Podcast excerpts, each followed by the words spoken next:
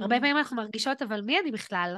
מה אני יכולה כבר לתת בעולם שבו נותנים כל כך הרבה כבר? וזה השיח לא של הנשמה שלנו, זה השיח ההישרדותי, כי בנשמה שלנו יש גוון ייחודי שאין באף נשמה אחרת. לא משנה כמה נשמות יפות יש. וכשאני מתחברת לגוון הייחודי שלי, גם אם יש אלף כותבים, אלף מייצרי פודקאסט, לא משנה מה, זאת נתינה מאוד מהותית לעולם. אחרת לא היינו כאן. אם הגענו לגלגול הזה, אם אנחנו פה על פני אדמה, יש משהו שהעולם צריך מאיתנו, באותה מידה שאנחנו צריכות ממנו. זאת הבנה שלפעמים היא מעל המשחק של הראויה, לא ראויה, כי זה המשחק mm-hmm. של האישיות.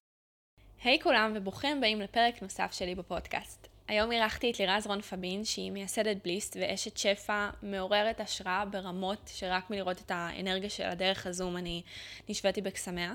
והיום בעצם דיברנו על צמד מילים שאנחנו שומעות הרבה בעולם ההתפתחות האישית, והוא תודעת שפע. אז דיברנו לא מעט על מה זה שפע, מה זה אומר בכלל להיות בתודעת שפע, ורציתי לגעת בעיקר בסוגיה של למה כל כך קשה לנו להרגיש ראויים לשפע. האם זה לא זכות מלידה שיש לנו? דיברנו על סוגי הניתוקים שיכולים להיות לנו משפע, ואני בעצמי זיהיתי לא מעט דפוסים, ובעיקר דיברנו על איך להתחבר מחדש לעוצמות ולמפה לשפע, מתוך ההבנה ששפע זה לא דבר ששמור רק ליחידי סגולה, או שניתן לנו בחסד, אלא ממש להפך, זה זכות הקיום שלנו, אה, וזה דבר שאנחנו בכל רגע נתון יכולות לבחור, לקחת עליו בעלות בחזרה, דרך הסרקולציה, דרך החלופה התמידית הזאת שיש לנו עם היקום, אה, עם המתנות שלנו שאנחנו בוחרות לתת, אה, והיקום בחזרה נותן לנו את מה שאנחנו ממש ראויות לו אה, מלידה. אז יצא פרק מדהים, זה ככה בקצרה, אני ממש מחכה שתשמעו אותו, אז בואו נתחיל. שלום, איזה כיף להיות פה. חיכיתי למפגש הזה איתך. הקמתי חברה שנקראת בליס לפני 12 שנים, מתוך uh, תשוקה אדירה ליצירת מציאות. מה שאני עושה זה חוקרת איך יש קשר ישיר, ומה הקשר הישיר בין המחשבות, רגשות שלנו, תפיסה פנימית, לבין מה שאנחנו מקבלות בתכלס מהמציאות. זה תמיד ריתק אותי. כאילו תמיד. Mm. זה מה שאני עושה עד היום, כל הזמן. אני לוקחת את זה לעולם העסקי, אבל גם לעולם הדימוי העצמי והאהבה. אני עובדת עם נשים, mm. ואני מתה על זה. התחלת את זה לפני 12 שנה שתודעת שפע, או בכלל כל החיבור הזה ליקום לא היה, כאילו, אני, אני רגע לפני הכל סקרנית קצת כזה, לשמוע את הסיפור שלך, לאיך בכלל הגעת ל... לדבר הזה, שהוא לא מיינסטרים, או אפילו היום הוא כבר, הוא עדיין לא מיינסטרים. ועוד היום זה מרגיש לי כל כך הרבה יותר פתוח, כן. כי זה היה הזיה, כאילו, לדבר על זה, זה היה אפילו כאילו oh. לא מרשים, כאילו, לא נשמע שאת הכי עם ראש על הכתפיים. uh, זה התחיל כשבגיל 23 ההורים שלי התגרשו, ומלא מלא דברים קרו בארץ, בחיים האישיים שלי, ש, uh, שגרמו לרעידת אדמה מבחינתי, ועליתי על מטוס לארצות הברית. Uh, ושם, ממש כמה חודשים אחרי הנחיתה, הלכתי לחברים, והקרינו את הסרט הסוד באיזה בית של חברים אמריקאים, ענק כזה, אבל הראשונה, כאילו, תארי לעצמך, זה כזה, היה mind blowing, דברים ששיחקתי איתם מחשבתית שנים, ושאלתי את עצמי איך זה יכול להיות, איך דברים קורים, למה אחת מקבלת כל כך הרבה טוב בעולם ומישהי אחרת נאבקת, ו... ותמיד הרגשתי שזה לא קשור, לא ליופי ולא לגיל ולא לכמה כסף יש לך, זה קשור למה קורה בתוכך, למה את מקרינה לעולם. אז הסרט הסוד הוקרן, ופשוט זהו, מאותו רגע זה היה סיפור אהבה מאוד מאוד גדול. Mm. זה מה שאני רוצה להתעסק בו כל החיים, לא היה לי ברור איך, גם קואוצ'ינג אגב לא היה כזה נפוץ, אה, אבל, אה, אבל הבנתי שזה חייב להיות חלק מהחיים שלי, ונהייתי הלקוחה הראשונה של עצמי, קודם כל. וואו. היום אני בת 21, וכשהסרט הסוד יצא, זה היה ב-2007. הייתי כלום, הייתי פיצקית, 2006.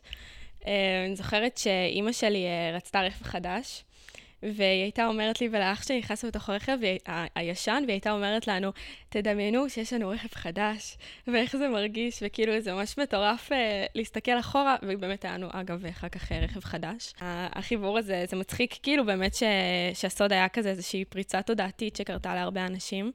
אה, זה ממש אה, מרגש כאילו לראות את, ה, את התהליך שאנחנו עוברים כאנושות.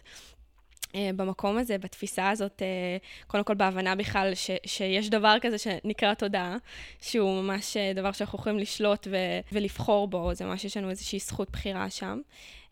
ובנושא הזה אני באמת רוצה להוביל אותנו ל...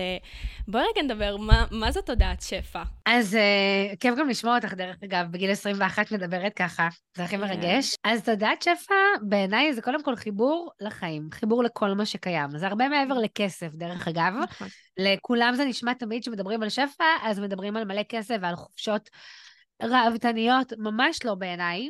אה, זה פשוט רווחה כללית של החיים. זה חיבור לאספקה, זה יצירתיות, זה יכולת אה, לזמן לחיים שלי את כל מה שאני רוצה וצריכה.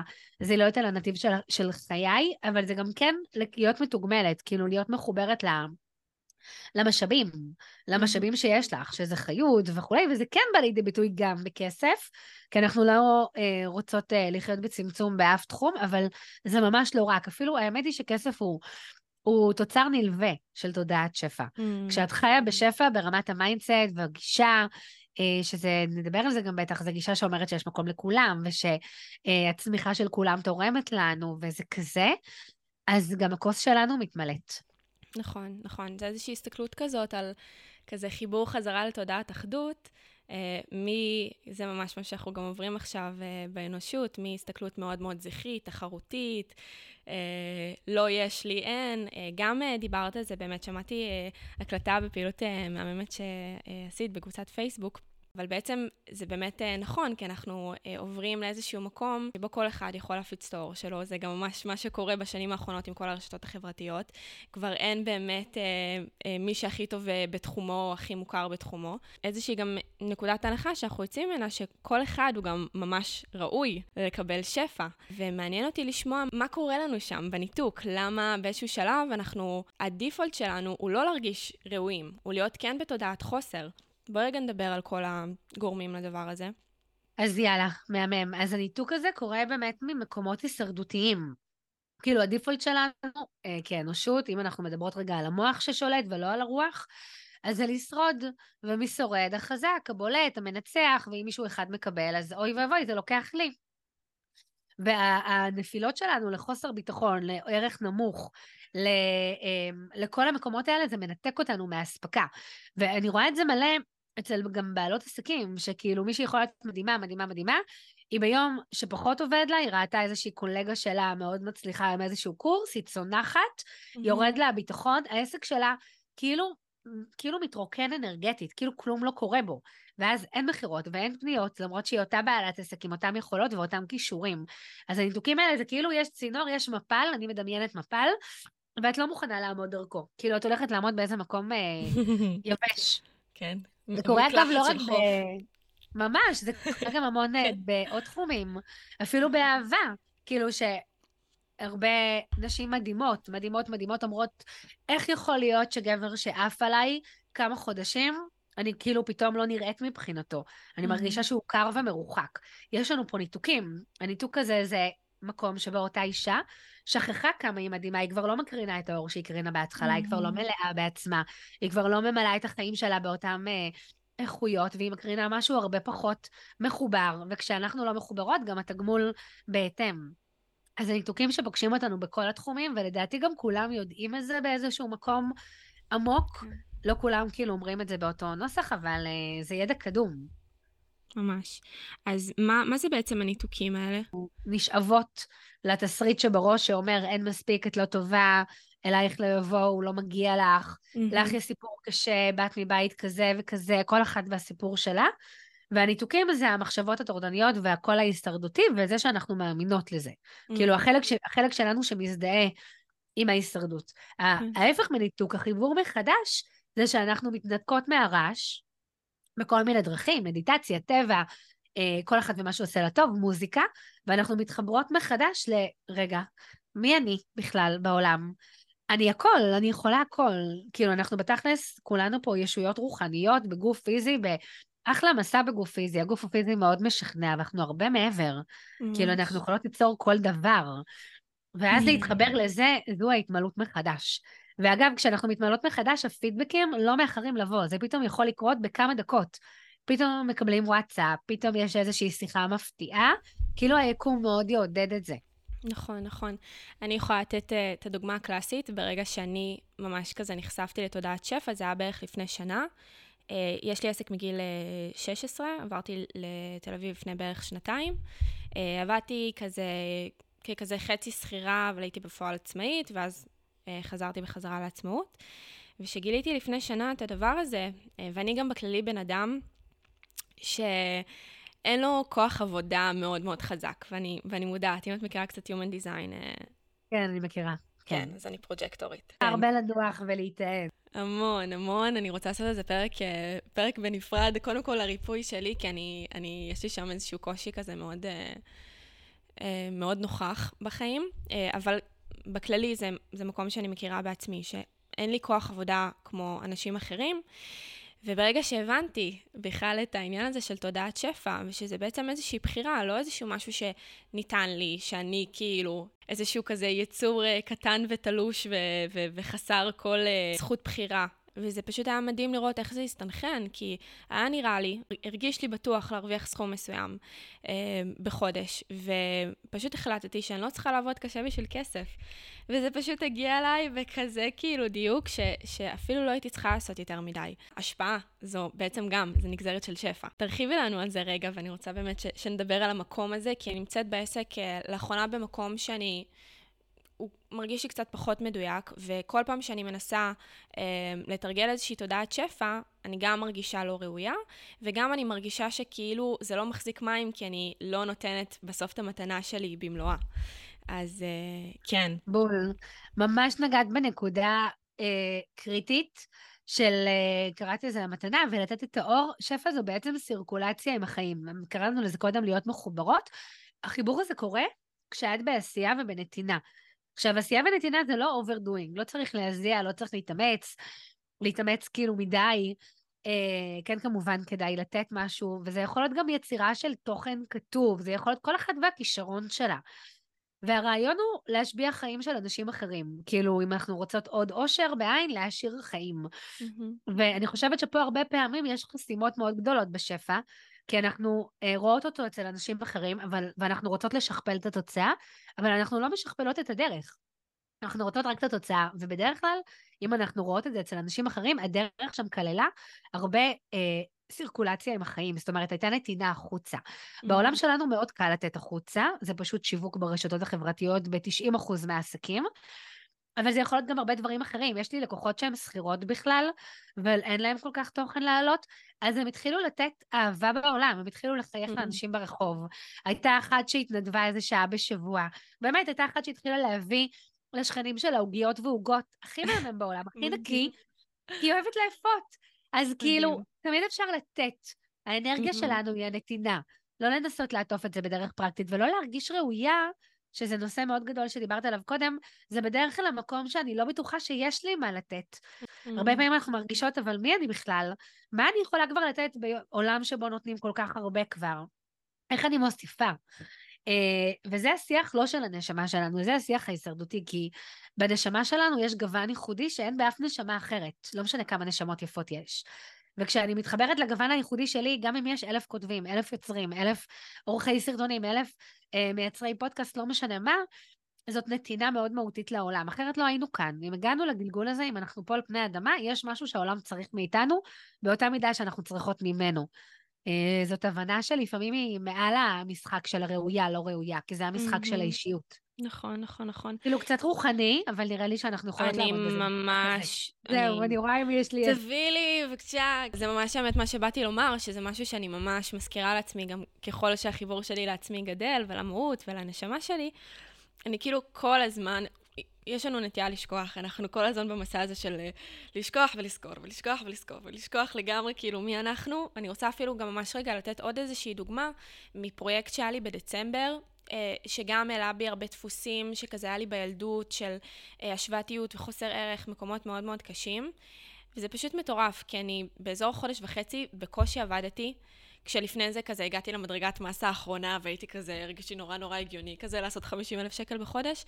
וזה היה פשוט מטורף לראות את, את התנועה שבאה בכזה סינכרון. והדרך שלי לצאת מזה, ממש, אה, היא קודם כל ממש לא דרך ההשוואתיות, וטוב, בוא נראה מי יותר טובה ממני, או איך אני יותר טובה ממנה, זה בכלל לא לשחק את המשחק הזה, זה להסתכל באמת מעל זה. אה, וזה היה נורא מצחיק, אבל פתחתי פשוט עמוד עסקי. והעליתי את העבודות שלי. זה היה ממש לעצמי, זה אפילו לא היה מעבר לזה לשווק. פשוט יכולתי רגע להתבונן, להיות באיזושהי רפלקציה לכישרון ולייחודיות שלי, ופתאום כזה לתת לה עוד יותר תוקף, וזה פשוט אה, מדהים, כי זה בשנייה כזה החזיר לי את המקום של וואו, כאילו איזה מוכשרת את, איזה דברים מדהימים את עושה, איזה מיוחדת. ופשוט תוך שנייה כאילו חזרו, חזרה התנועה. ו, ויש משהו שאני גם ממש מזכירה לעצמי במקום הזה, אמ, שלפני שאנחנו יורדים לפה, אנחנו בוחרים, בוחרים איזשהו מסלול חיים.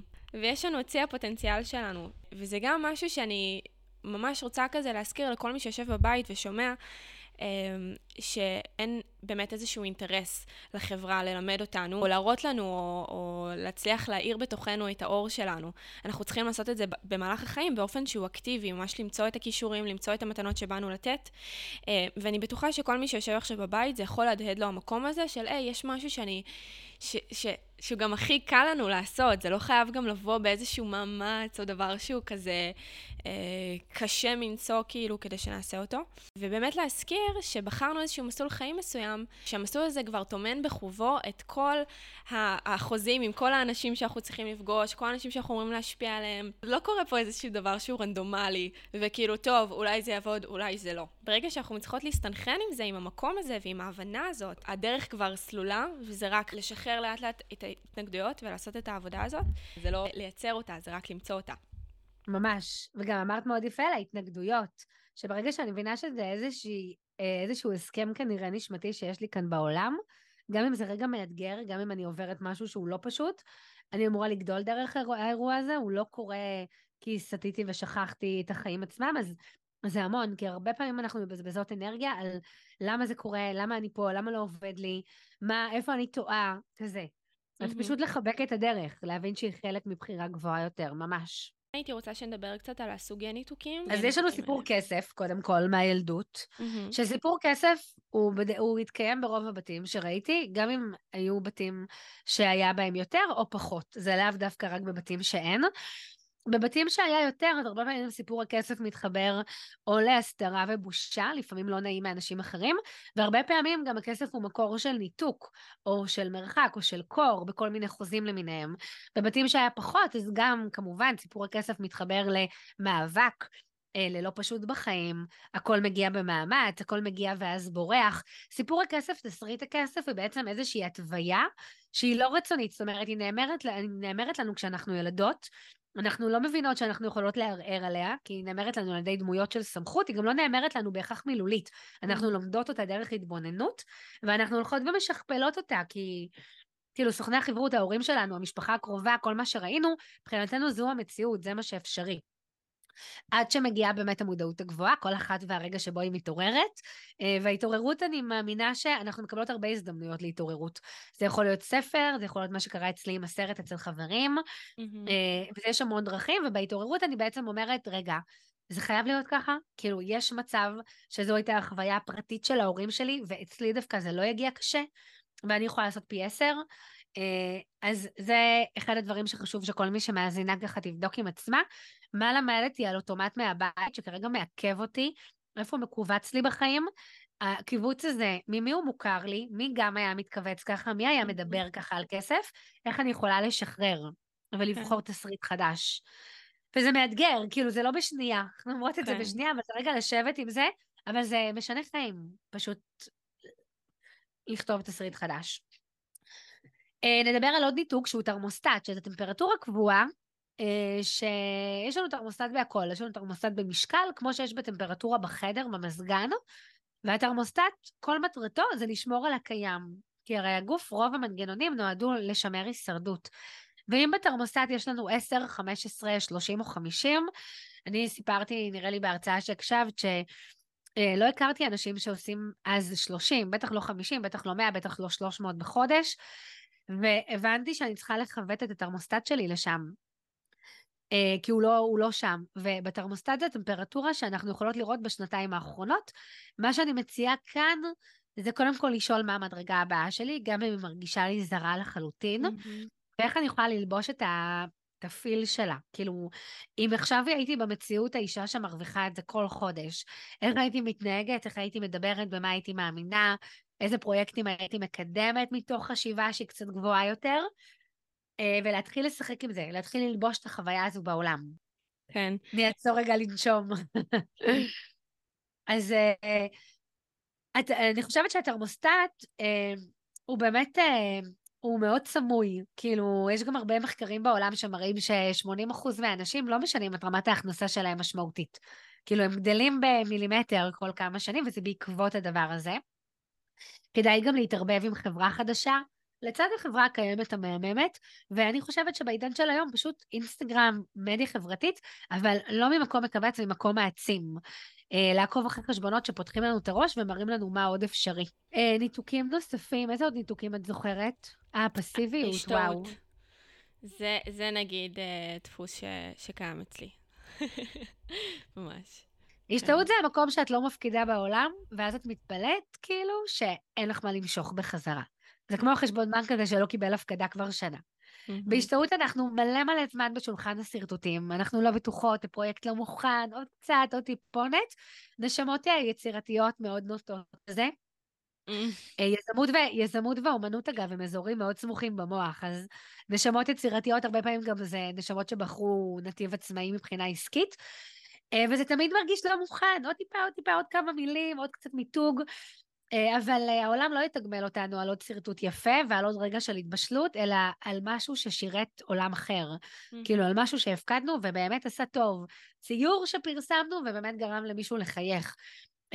משפט וכולי. אז בהשתאות, אני חושבת שהדרך הכי טובה היא לתת זמן לשרטוטים, אבל זמן תחום ומוגדר מראש. Mm-hmm. להחליט שלא משנה מה קורה, לי יש עכשיו שעתיים לתכנן את ה... תוכן ל... לא יודעת מה, לשלושה ימים הקרובים, זה קורה בשעתיים. מה שקורה בשעתיים זה מה שהכי מוכן, ומעבר לזה, אה, זה פשוט יקרה תוך כדי תנועה. זה קצת אה, גם לבטוח, כאילו, ביכולות שלנו ובחיים, כן. ובזה שמה שקיים בנו עכשיו זה good enough. כן, זה ממש... יצא לך להשתאות? אני רואה שאת מזדהה. כן, אני, אני מאוד מזדהה עם המקום הזה של השתאות, וזה די uh, שווה ערך באמת למקום הזה של פרפקציוניזם. שפרפקציוניזם, אצלי לפחות אומר הרבה פעמים, שזה גם יושב על ערך עצמי. כאילו, הכל כמעט בערך בעיניי בעולם הזה יושב על ערך עצמי, זה נורא מצחיק.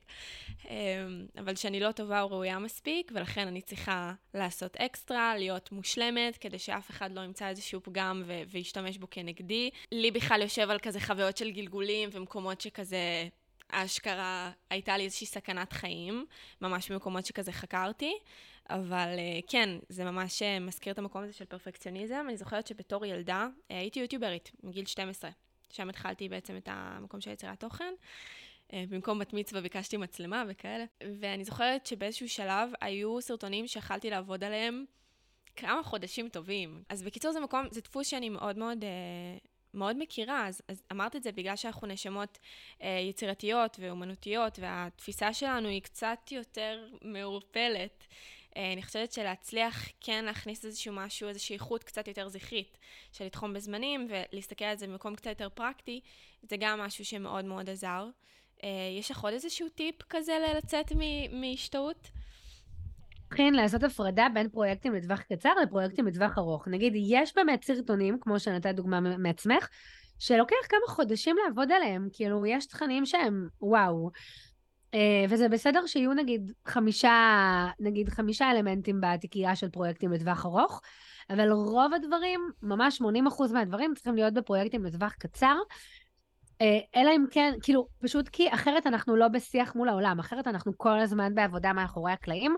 מלא דברים מתרחשים בעולם ואנחנו לא לוקחים בהם חלק, ו, אה, ויש לנו צורך לקחת בהם חלק. אנחנו גם צריכות את זה, אגב, החלק, לקחת חלק בהתפתחות של העולם, לתת לסירקולציה, זה לא רק כדי לקבל תגמול וכסף, זה גם כדי לקבל ביטחון ופידבק, ואנשים אחרים מעירים אותנו כשאת מפרסמת תוכן שלך, ויש עליו אפילו לא הרבה תגובות, אבל קצת תגובות, וזה נגע באנשים אחרים, זה בוסט מטורף. ממש, את, ממש. כאילו, זה ממריץ. אני אז הכי... לא לפספס את ההמרצות האלה. נכון, נכון.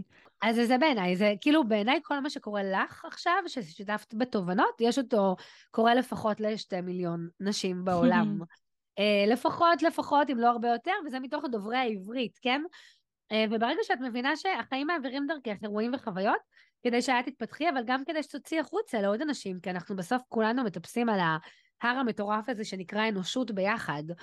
אה, חלק מטפסים קצת לפנינו, כמו נגיד מל רובינס, מבחינתי היא כמה הרבה קומות בטיפוס מעליי, mm-hmm. ואני רואה את היד שלה מושטת אליי, ואני רואה את היד שלי מושטת למטה, וככה זה עובד, וכשאת מנתקת את הידיים, לא לוקחת ולא לא מעניקה, את כאילו לא חלק מהטיפוס הקולקטיבי הזה, mm. ו, וזה מורגש בגוף. כאילו, אני, בהתחלה נגיד שלא הייתי מעלה תוכן, פתאום היה לי גם באמת היעדרויות מתוכן, לא הבנתי למה זה מציק לי, והייתי אומרת לעצמי, אבל השיווק טוב, אני, יש לי מלא חזיתות, יש לי רשימת תפוצה, יש לי זה, אני טוב עם היעדים. למה זה לא, למה לא מתיישב לי? והבנתי את זה, הבנתי שאני מרגישה שאני לא בנתינה הזאת, אני לא מקבלת ולא מעניקה, ואני כאילו באיזושהי התבודדות כזו על ההר. אה, אז mm. אני חושבת שיש הרבה גם דברים שצריך להישמר מהם ברשת, כי אנחנו רגע, נראה לי, קצת משבחות את העניין, אבל לצד זה יש גם משהו מאוד תרפויטי בלדבר אותך על בסיס קבוע, כן. אה, שזאת הזדמנות גדולה שאנחנו מקבלות בתקופה הזו. אז אה, כזה, אז א', לזכור שזה לא רק שלנו, זה עובר דרכנו, אנחנו אף פעם לא היחידים בעולם שעוברים משהו, תמיד יהיה מי שיזדהה, אה, וב' שהשיח הזה, כמו שאמרת, הוא מנקה, הוא מנרמל, הוא מאפשר לנו להיות יותר. Mm-hmm. אפרופו שפע. ואז נגיד שפע, זה שנגיד מעלים תוכן, זה לא אומר שבדיוק אותם אנשים שקראו את הפוסט קונים משהו באותו יום, זה לא איך שזה עובד. אבל הפתיחה הזאת של החלון, של הסירקולציה, דברים נכנסים מזווית אחרת. פתאום משהו אחר מגיע, פתאום נקבל פידבק מדהים מזווית שונה. Uh, פתאום יגיע רעיון מטורף, שזה הכי שפע, רעיון מטורף, תובנה mm-hmm. עסקית, uh, מערכת יחסים קרובה, כזה. אז גם אני חושבת שמשהו חשוב זה להיות פתוחות להרבה צורות ומתנות שבהן השפע מגיע. לתת לו להגיע בהרבה צורות ומתנות, כי זה תמיד יגיע דרך הצורה שהכי נגישה לעולם לתת לי, ושאני גם הכי צריכה באותם ימים. Mm, מה, מה הכוונה? זאת אומרת שזה לא חייב להיות רק uh, רכישה של משהו גדול בעסק. Mm-hmm. זה יכול להיות מכתב מרגש שקיבלתי, או mm-hmm. זה יכול להיות שאני אלך ברחוב ואני אראה רגע משהו ש... יוריד לי רגע איזושהי תובנה. יכול להיות שפתאום מתנגן שיר, שהוא בדיוק התכתבות עם משהו שאני חושבת עליו המון. אני מתלבטת בין שני פרויקטים, והשיר הזה ימחיש לי בדיוק איפה התשוקה שאני נמצאת. Mm-hmm. זאת אומרת, זה, זה רחב. כן. אמרנו ששפע זה מלאות, זה חיבור לחיים, אז להיות פתוחות לכל הצורות שבה, שדרכן החיבור הזה קורה. כן, כן, ולהיות באיזושהי תקשורת גם עם היקום, זה ממש uh, הדרך לעשות את זה. Uh, תודה על זה.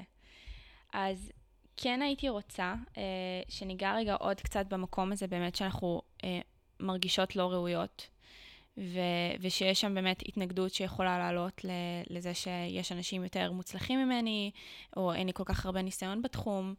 מה, מה היית אומרת עכשיו למי שיושב בבית וכאילו בכל זאת שומע את כל הדברים האלה ואומר כאילו אוקיי, אבל, אבל למה, למה שאני? אז אוקיי, אז קודם כל מעצם הניסוח למה שאני אקבל, יש כאילו מעין תחושה של כאילו, למה שיבחרו בי? Mm-hmm. אין באמת בחירה, כולנו נקבל.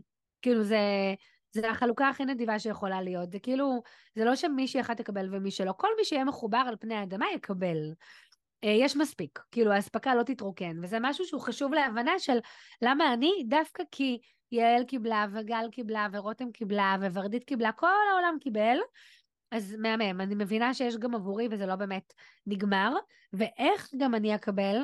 אני אקבל כשאני אסכים, אה, שאני אסכים להיות אני, שזה אומר להבין מה אני אוהבת, איפה התשוקה שאני נמצאת. בדרך כלל התשוקה היא תמרור מאוד מאוד דרמטי, מאוד מאוד זוהר, אל עבר משהו שנועדנו להביא לעולם.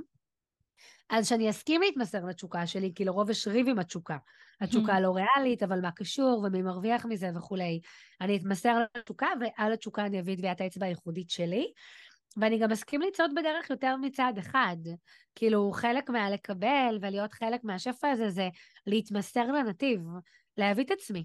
כאילו, להביא את עצמי לעולם, לא יום אחד ואז ביום שלישי להחליט שנגמר, להביא את עצמי רצוף, הרבה ימים רצוף, לתת לזה להצטבר. Mm-hmm. יש חוק בשפע שנקרא אפקט מצטבר, שזה אומר שביום הראשון זה נראה נגב, ביום השני את מרגישה בשממה, ביום הרביעי את בטוחה שאלוהים שכח אותך, אבל ביום ה-17 אה, את מקבלת חמש מתנות במקביל, אם רק כן. תגיעי ליום ה-17.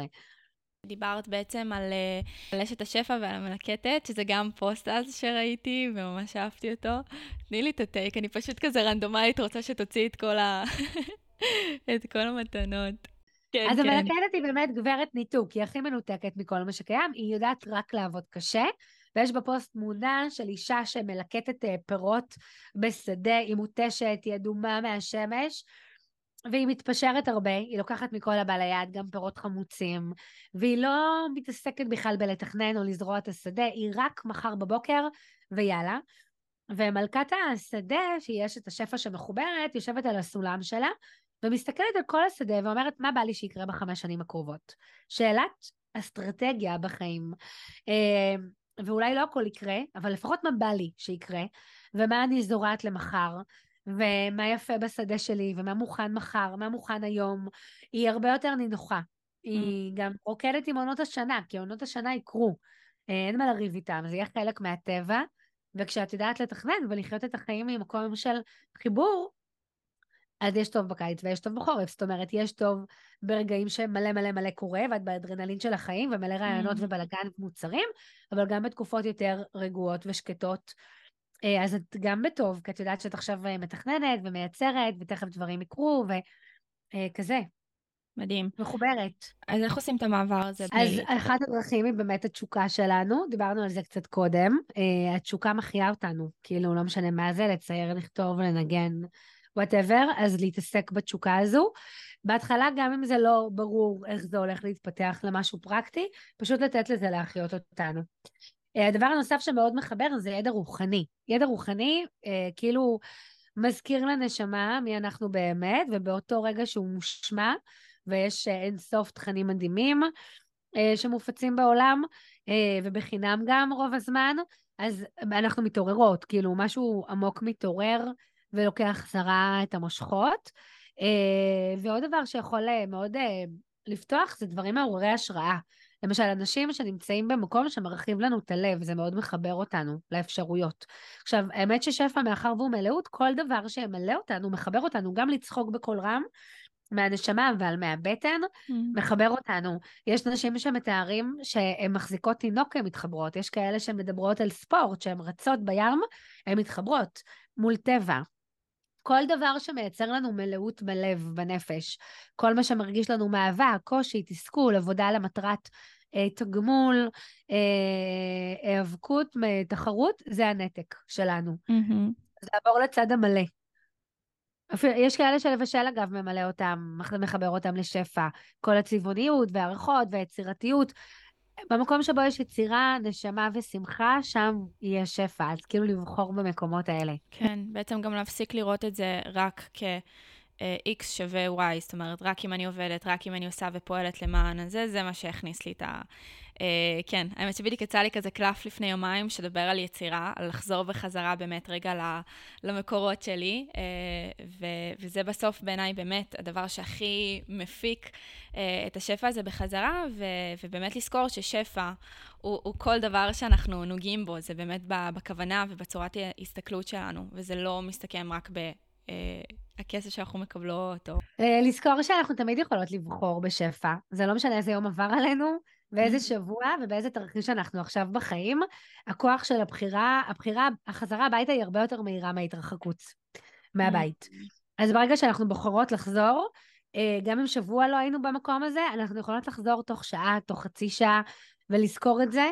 אה, ושאנחנו יכולות גם לחזור 9,000 פעם, הכל טוב, אנחנו בעולם נדיב וסלחן, אין, אה, הכל פתוח, כל הזמן, הכל פתוח.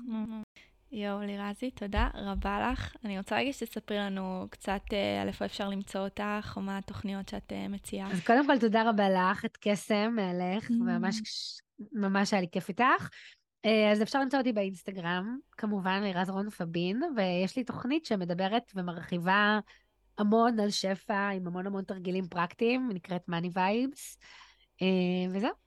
זה הכל היום, אני ממש מקווה שנהנתם מהפרק כמו שאני נהניתי. אתם מוזמנים לשלוח את הפרק הזה אם uh, אתם חושבים שהוא יכול לתת ערך למישהו שאתם מכירים ואוהבים. אני אשאיר את הלינקים ללירז למטה ואת הלינקים uh, להגיע אליי. תודה רבה שהאזנתם, ואנחנו נתראה בפרק הבא. ביי ביי.